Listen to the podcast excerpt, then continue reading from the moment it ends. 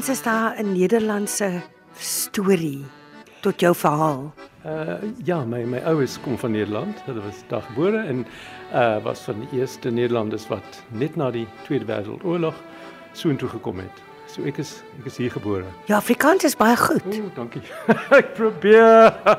is dit jou derde taal? Ja, ja. Nederlands, Engels en Afrikaans. Suid-Afrika is jou liefde. En jy neem mense op baie interessante toere, maar na plekkies toe waar mense nie gereeld reis nie. En dit is reise na Antarktika en na die Noordpoolgebiede soos Groenland, Noord-Kanada, Spitsbergen, Noord-Rusland, die Noordpool self waar ek al opgestaan het. Uh, die nuwe vlag van Suid-Afrika daar gehys. So jy was al letterlik oral. Ek, ek soek plekke wat autentiek is. Ek soek vir plekke wat nog reg is, soos Bhutan wat 'n lievelingland vir my is, daar in die Himalayas, byvoorbeeld die Karakoram gebied van Pakistan, Iran. Uh, ek vat toere ook natuurlik na Antarktika en dan soek ons plekke byvoorbeeld in Rusland. Ons doen die Trans-Siberiese spoorweg en ons uh, ander soort treine ook, al die staanlande uh Ethiopië byvoorbeeld is verskriklik interessant in Afrika.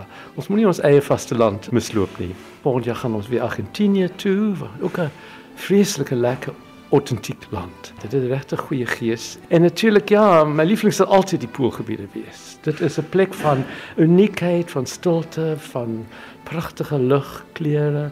Wat pak jy gewoonlik in as jy na daai soort lande toe gaan? Weet jy, dit is eintlik interessant, maar ons gaan na die poolgebiede in die somer. In die winter van die noorde en die suide is dit heeltemal donker. So dis 6 maande donker en 6 maande lig. En in die somer is dit 'n droë koue. Dis nie soos hierdie nat koue van die Weskaap. Dis 'n droë koue. So dis baie weerstaanbaar.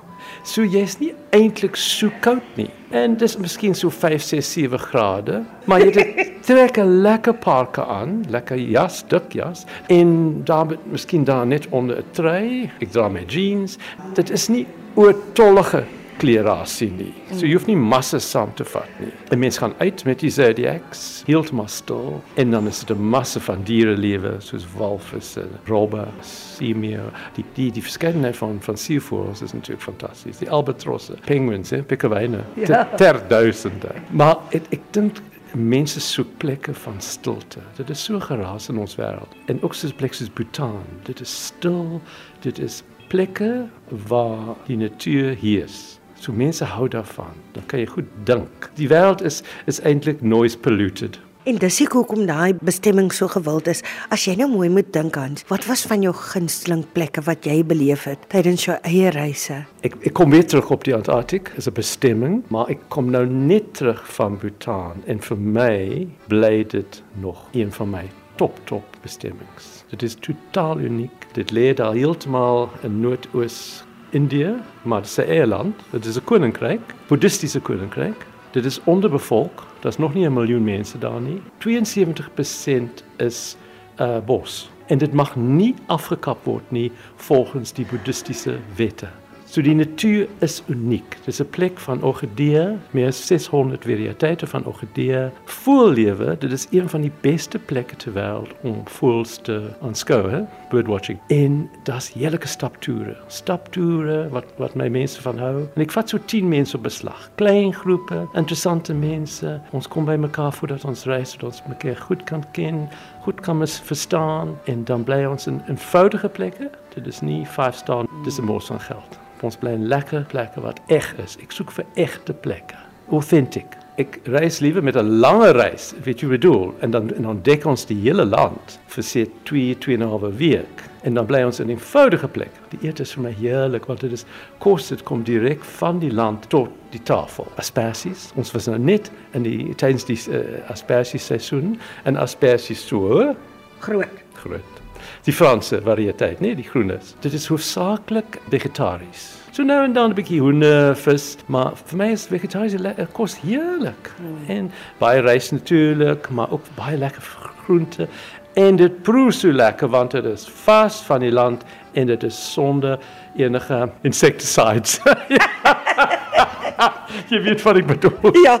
dit is regtig Jy kan dit proe. Elke dag gaan ons stap en natuurlik Bhutan het fantastiese uh, staproetes, maar ook teen die Himalajas aan is daar hikes en treks. Dit is vir mense wat tot so 5000 meter wil gaan. Ons bly op so 2 2.500 meter. Ans, wat van Iran? Jy het nou vertel jy was daar. Dis nou 'n plek wat jy nie altyd hoor dat mense gaan kuier nie. Nee, dit was so ja, dit was al 'n paar jaar gelede voor uh, COVID natuurlik. En die geskiedenis is natuurlik verskriklik interessant. Dus as jy dink die hele Persiese ryk wat meer as 2600 jaar oud is, as jy na hulle bouwerk kyk en hulle monumente en die feit dat die land is is is 'n grootendeels 'n woestyn, mm. maar hoe water ondergronds gelei word, die kanakstelsel, myle en myle van kanale onder die grond. En natuurlik die land van van Persiese tapete en weefwerk en tuine. Die moenie mense moenie nie aan die politiek kyk nie, want dan gaan jy nêrens nie. Maar jy moet kyk na die geskiedenis en die kultuur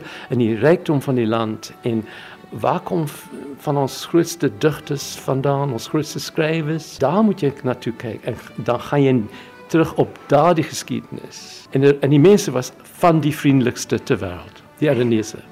Hulle was so behulpsaam. Hulle kon nie genoeg doen nie. Ek dink hulle het dit vreeslik geniet om met mense van ander lande te gesels. En wat interessant is, daar's meer vroue op universiteit in Iran as mans. So dit was vir my vreeslik lekker want die die vrou wat dikwels dink ons van van hierdie lande waar daar onderdrukking is, maar dit was glad nie die geval nie.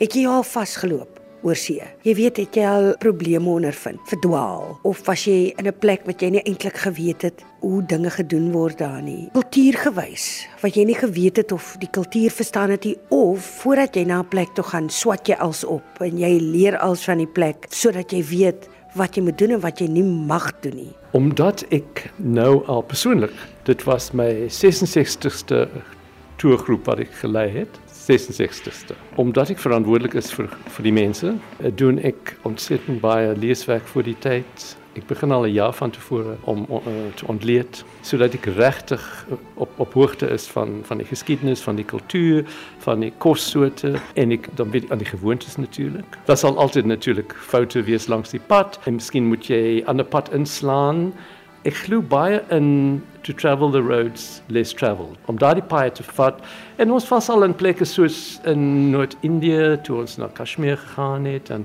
dit was was 'n miskien 'n pad wat gesluit is. En skielik staan jy daar met al die reisigers. En dan moet jy onmiddellik 'n oplossing vind en dit was ontdek jy nog meer interessante dinge as wat jy gelees het. Ons moet nie altyd by dieselfde pad nie. Ons moet bietjie avontuurlik wees. Ja, nie onverantwoordelik nie, maar wel gemeente kanse vat, dink jy kom, kom ons gaan daar 'n bietjie kyk hoe lyk dit en wat wat gaan ons ontdek? Op daardie soort reise het ons juwele ontdek. Dorpies waar waar die pragtigste tapete geweef is of waar uh tekstiele geweef is en Bhutan is 'n land van tekstiele. Die weefwerk in Bhutan is top top top in die wêreld. Wat is 'n droom vir jou Hans? Waarheen wil jy persoonlik nog gaan?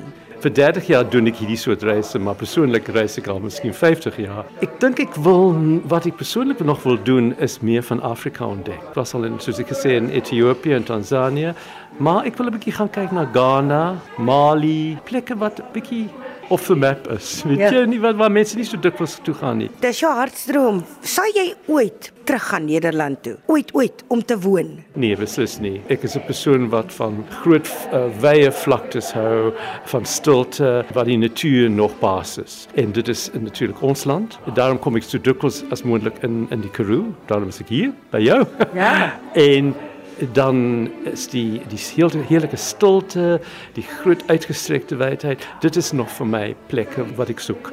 Ehm um, nie Nederland nie. Ek gaan so een keer per jaar familie uh, besoek, maar dit is 'n bietjie te beknop vir my met ek dink daar was 17 miljoen mense. Nee, ek dit is lekker om te gaan besoek en dan cheerio.